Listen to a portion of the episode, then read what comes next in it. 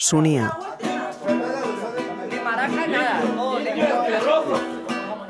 Bueno. Mi joven de vaca, deja quieta de caballo y deja quieta esa vaca aquí a mamá de su becerro. Javier Codesal está considerado uno de los pioneros del videoarte español. En 1982, tras licenciarse en Ciencias de la Información, inicia su actividad creativa en la radio, donde realiza sus primeras composiciones y performances sonoras. Un año más tarde, presenta junto a Rafael Tranche y Raúl Rodríguez la videoinstalación Una televisión en un nicho, concebida como acción en el espacio público. El interés por explorar los límites y potencialidades simbólicas del formato audiovisual va ganando terreno en su obra y en 1984 realiza junto a Raúl Rodríguez su primer vídeo Por Nada. Desde entonces, el artista trabaja en extensos proyectos audiovisuales que incorporan fotografías, textos y dibujos y nos ofrecen una reflexión crítica sobre el papel de la imagen y los medios de comunicación en la sociedad. Asimismo, ha publicado tres libros de poesía y un ensayo cinematográfico. Con motivo de la presentación del proyecto Los pies que faltan, Sunia habla con Javier Codesal. Con él analizamos el boom del videoarte en el Estado español durante los años 80, las fronteras entre el documental y la ficción, y los lugares y narrativas del arte contemporáneo. Años de radio y performance. En realidad yo comienzo con la radio. En mi primera experiencia como artista es en el 82 porque tuve una beca en, en la SER, que en aquel momento era la única, al menos en Madrid, era la única agencia de medios, digamos, que tenía esta posibilidad, digamos, de conceder becas de formación. Existían otras de televisión española que también disfruté al mismo tiempo, ¿no? Vamos, en los mismos años, justo al final de la carrera. Claro, para mí la radio de repente supuso la posibilidad de tener una máquina que grababa, porque durante los años de estudiante realmente no había podido grabar casi nada y no había podido ni grabar ni rodar ni nada que se parezca a esto, ¿no? Y aunque para mí el presentarme aquella beca fue muy funcional, era simplemente por una cuestión, digamos, de supervivencia de estudiante, ¿no? De repente me encontré con que pasaba todos los días unas horas en un estudio de radio, muy elemental, analógico, claro, completamente y tal, pero extraordinario porque había micrófonos, se podían cortar las cintas y remontar y tal. Entonces, mientras mis compañeros, que éramos 15 estudiantes, eh, aspiraban simplemente, bueno, eh, eran periodistas que aspiraban a hacer un trabajo periodístico en la radio y por tanto hacían sus programas siguiendo un poco los modelos de los géneros de la radio, yo hacía piezas experimentales. ¿no? Teníamos un espacio en la SER eh, que se llamaba El Callejón del Gato, donde cada día emitíamos un programa de media hora, y ahí yo fui haciendo mis primeras piezas, que eran piezas de, de composición, por decirlo así. Yo vengo directamente del audiovisual, no de las bellas artes, digamos. Entonces, para mí, claro, era muy, muy importante, primero, descubrir el sonido de una manera cruda, ¿no? y creo que es algo que además me ha marcado desde entonces, por lo menos ha señalado un deseo de trabajar y de escuchar. ¿no? y luego, al final de ese periodo, me asocié con dos personas, dos amigos, formamos un grupo y empezamos a trabajar también en la radio, porque lo primero que hicimos juntos fue un, aprovechando un espacio que había en Radio Nacional, de un espacio de creación que, donde podías presentar proyectos, hicimos una performance en directo, una cosa que duraba una hora, y digamos a partir de ahí empezamos a trabajar en un contexto que estaba próximo al, tal vez al conceptual, era una cosa muy híbrida, ¿no? Y eh, en los primeros años nos dedicamos a trabajar en espacios públicos. Hasta, hasta el 83 no hago ninguna pieza de vídeo, hasta el año siguiente, y la primera pieza es una instalación en un cementerio, el día de Todos los Santos, con una actividad también nuestra de intervención con la gente y tal y cual. Los 80. El vídeo, la televisión y los espacios del arte. Bueno, lo que ocurre allí es que hay un boom cultural, ¿no?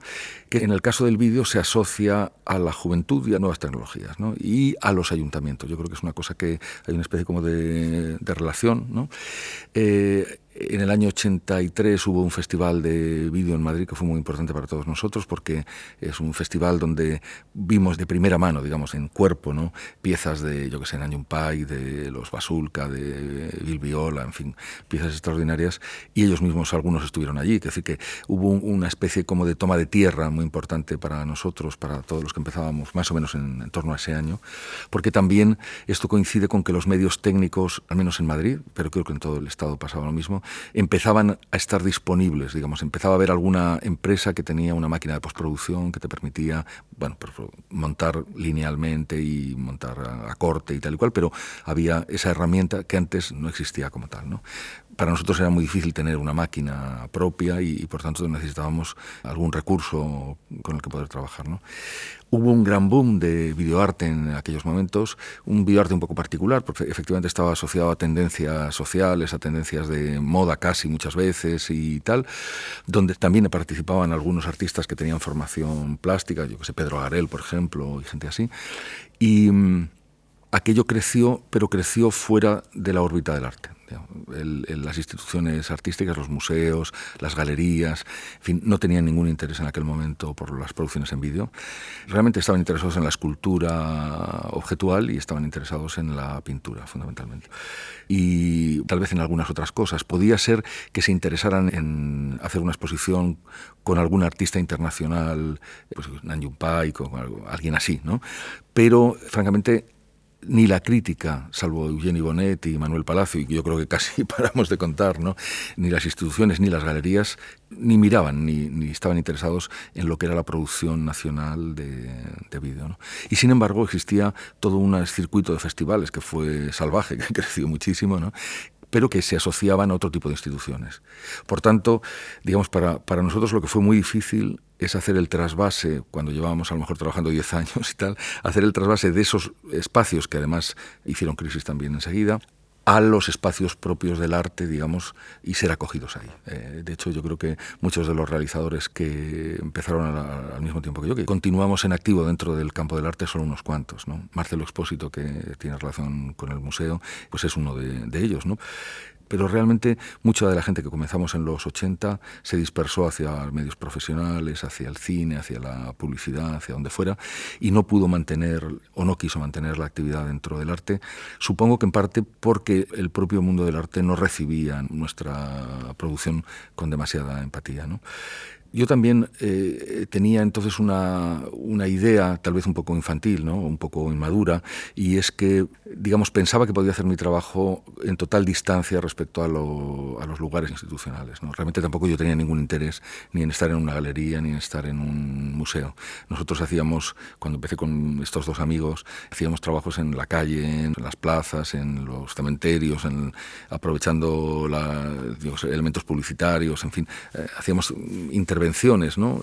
Y entonces nos interesaba mucho más el espacio público, y la radio también lo era, también la concebíamos como eso, nos interesaba mucho más el espacio público que el espacio acotado de las artes.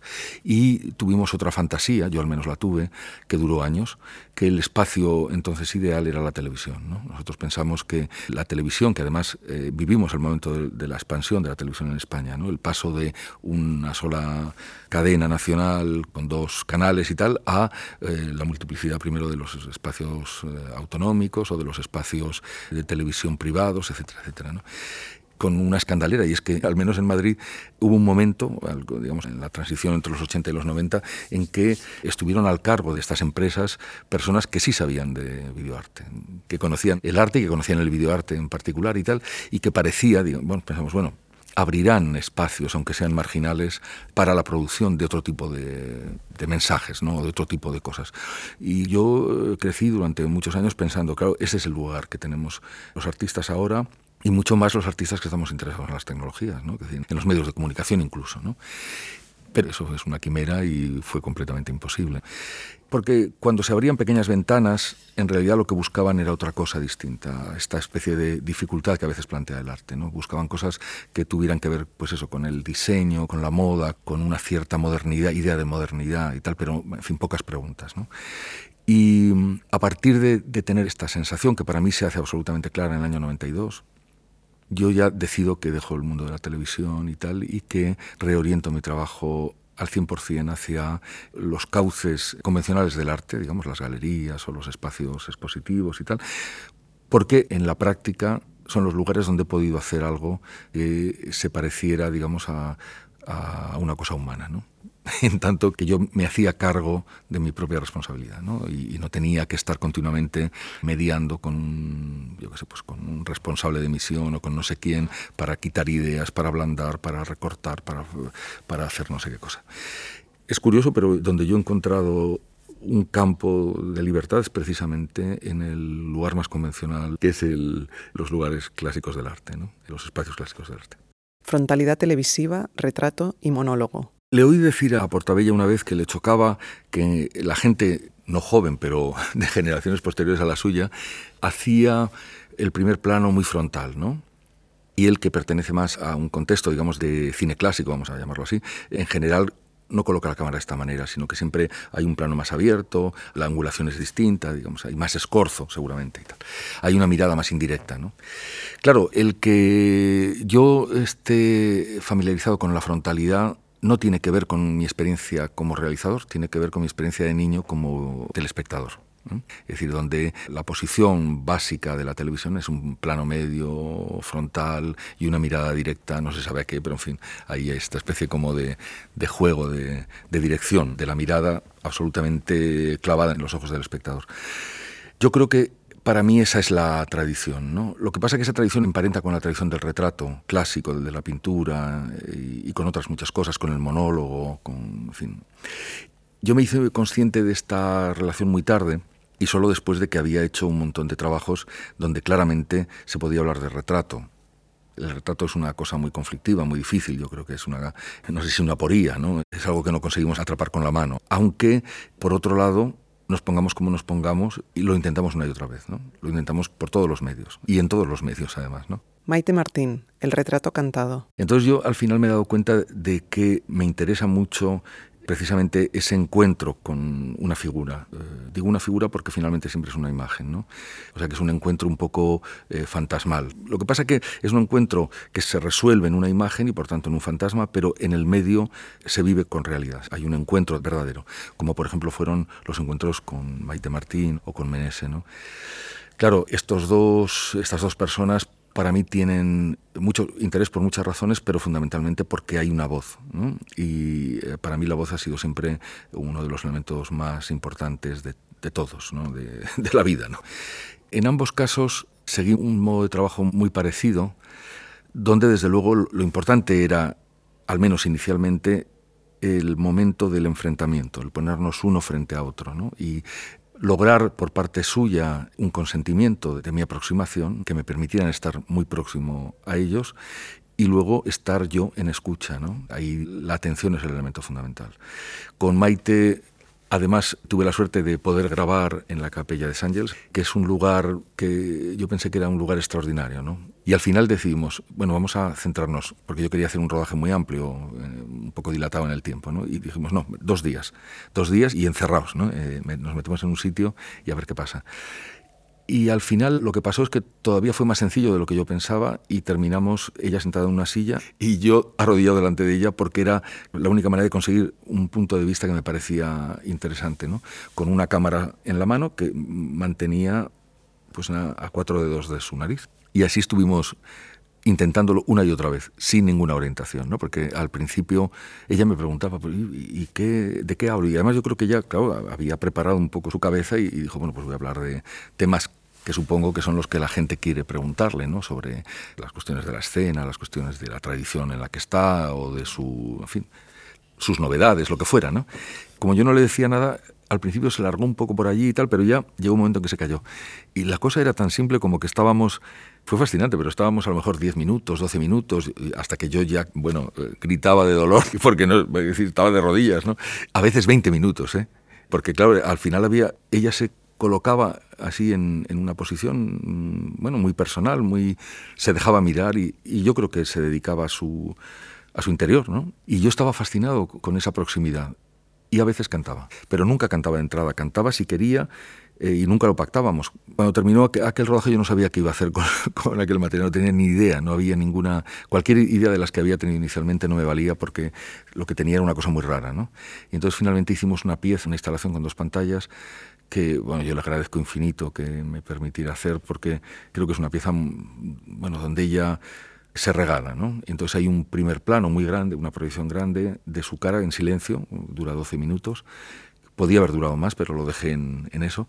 Y hay una pantalla en el suelo apoyada contra esa pared, ¿no? donde se proyecta su primer plano, con un plano exactamente igual, donde canta La Vidalita y la canta tres veces, son tres grabaciones diferentes. ¿no? La canta a capela y es una cosa de una emoción y de una belleza extraordinaria por su voz, ¿no? por, el, por el recogimiento que logramos también tener, la, fin, la, la, naturalidad con la que actuó en aquel lugar donde cantó solo por placer ¿no?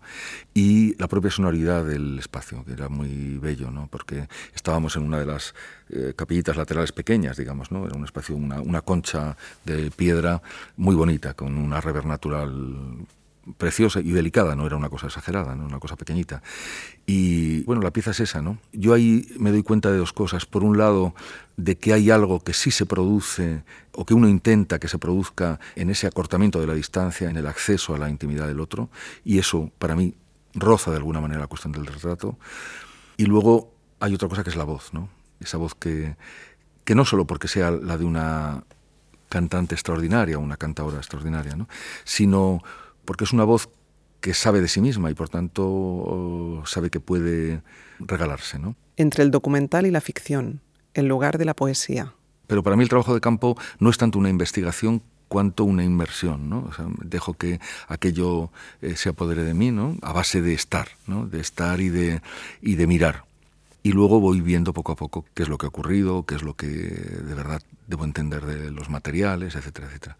Y esto ocurre tanto con las ficciones como con los documentales. Claro, eh, yo tengo una dificultad real para distinguir, es como si fuera daltónico, ¿no? Y el verde fuera, yo qué sé, el documental y el rojo la ficción. No, no tengo ni idea de dónde está uno y dónde está otro.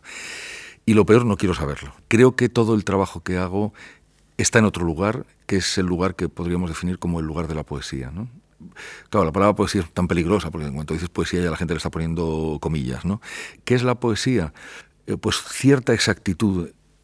Marina Svietayeva decía eso, ¿no? que la poesía era la exactitud de las palabras. ¿no?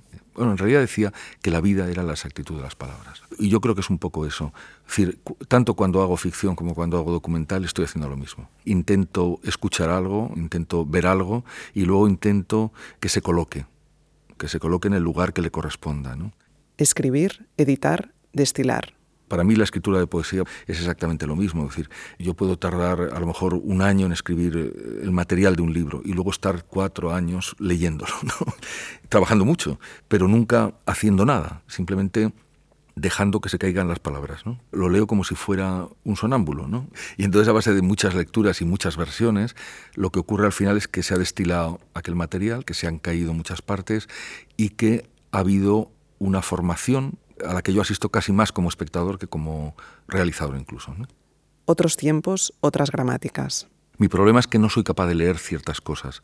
Yo puedo leer una película de Ford y fascinarme, y de hecho me ocurre, y la leo con intensidad. Pero la narrativa de Ford es algo que ya sucedió, y había que estar allí para poder hacerla. Yo no soy capaz de hacer eso, no soy capaz de ordenar una secuencia como lo hacía él. No, no solo porque no sea capaz, o sea, no solamente es un problema de, de habilidad, que evidentemente él era un gran artista en comparación conmigo, ¿no? Pero el problema es otra cosa, el problema es que estamos en otro mundo y hay, digamos, hay discursos que no cuelan, para mí no cuelan. Cosa está mucho más rota, ¿no? o es mucho más difícil producir la idea de un mundo ordenado. ¿no? Entonces, a partir de ahí, claro, a mí me interesa producir un sintagma o una expresión que yo pueda entender, o sea, que me parezca que tiene que ver algo con mi vida. En el fondo es un poco así, no con mi vida, con la vida de la gente con la que estoy, ¿no?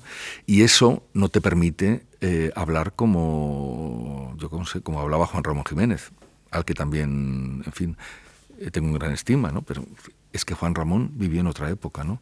Era muy grande, pero ahora sería absurdo intentar escribir como él. Los pies que faltan. Los pies que faltan es un proyecto del 2010. Lo ruedo en el 2010.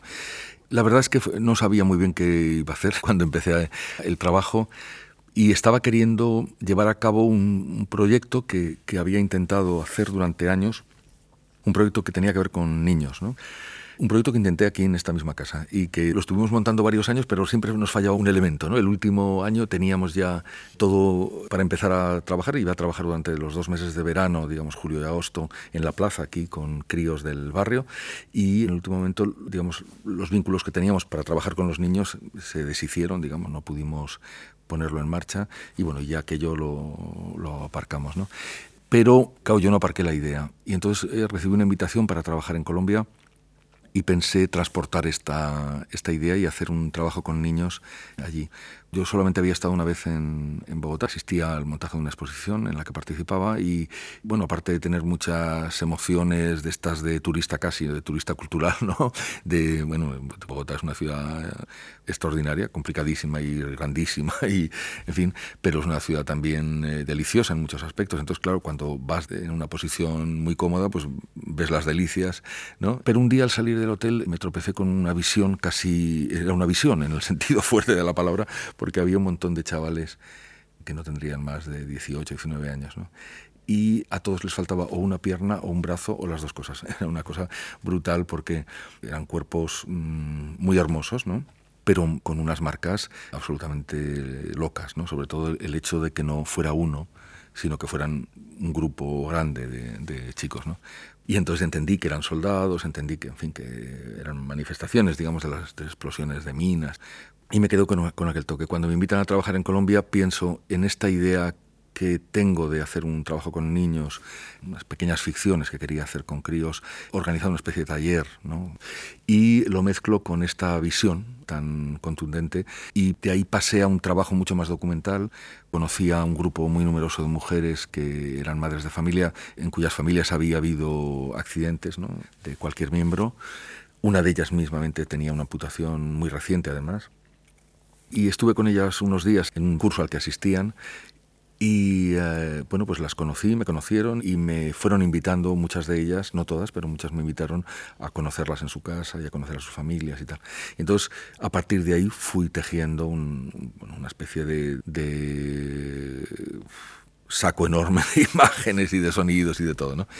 Cuando regresé a Madrid tenía el compromiso de hacer una primera exposición, pero me sentía un poco desbordado por la cantidad de material que traía, que además mezclé fotografía y vídeo, hice pues unos miles de fotografías y luego tenía muchas horas de vídeo también y quería conjugar todo eso y no sabía muy bien cómo hacer, ¿no? Y desde hace bastantes años, siempre que puedo, no hago las obras de un golpe, sino que voy haciendo piezas. ¿no? Incluso las voy mostrando en público, que esto me ayuda mucho a entender qué voy haciendo. Entonces lo primero que hice fue dos vídeos, un vídeo de 20 minutos y un vídeo de 3 minutos, y una pieza que es esta que tenemos aquí.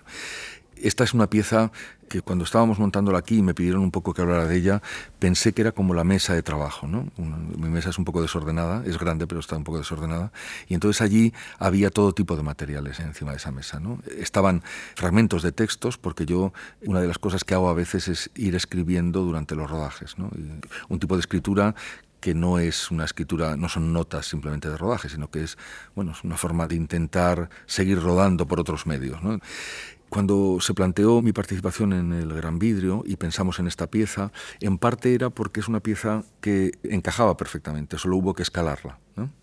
Pero por otro lado, para mí era muy importante esta obra porque es una obra donde casi nada está cerrado, donde se anuncian las cosas mucho más que se dicen. ¿no? A mí me da la impresión de que es una pieza donde tú tienes que ir completando las relaciones. ¿no? El Gran Vidrio, las fronteras del espacio expositivo. El arte llega donde le dejemos llegar.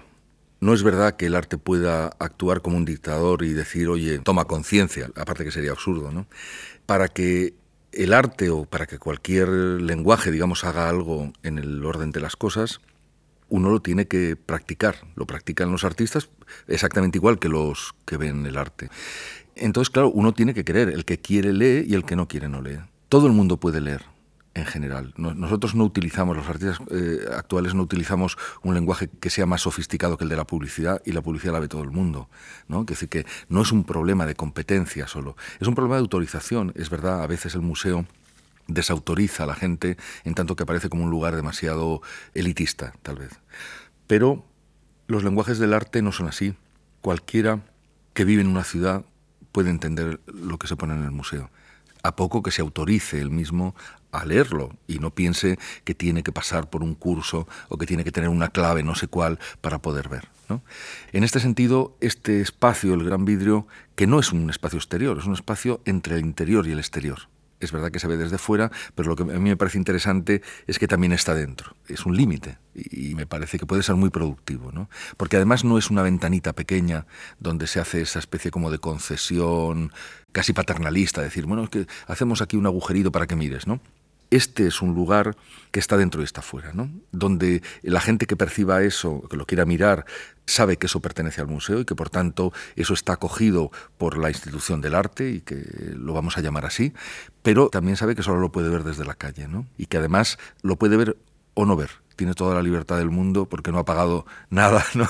porque está en su calle, en su acera, en algo que es propio, que es de todos formas simbólicas en estado de resignificación permanente. El arte es uno de los medios que tenemos para simbolizar y, por tanto, para pactar con las cosas y para establecer una relación real con, el, con el mundo.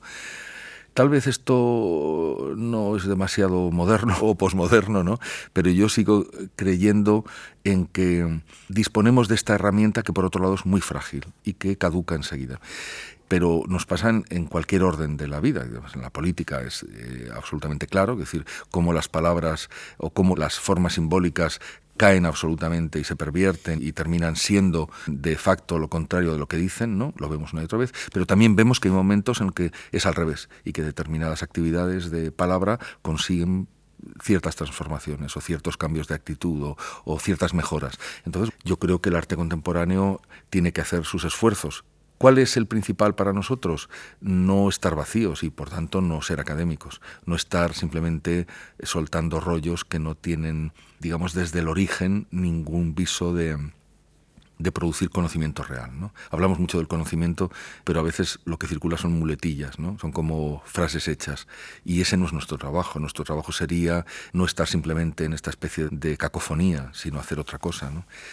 También creo que no podemos decidir por los demás. Un artista no puede decidir por nadie. Uno se tiene que hacer cargo de su propio trabajo y pensar que el que ve eso se tiene que hacer cargo del suyo. Para mi muchacho.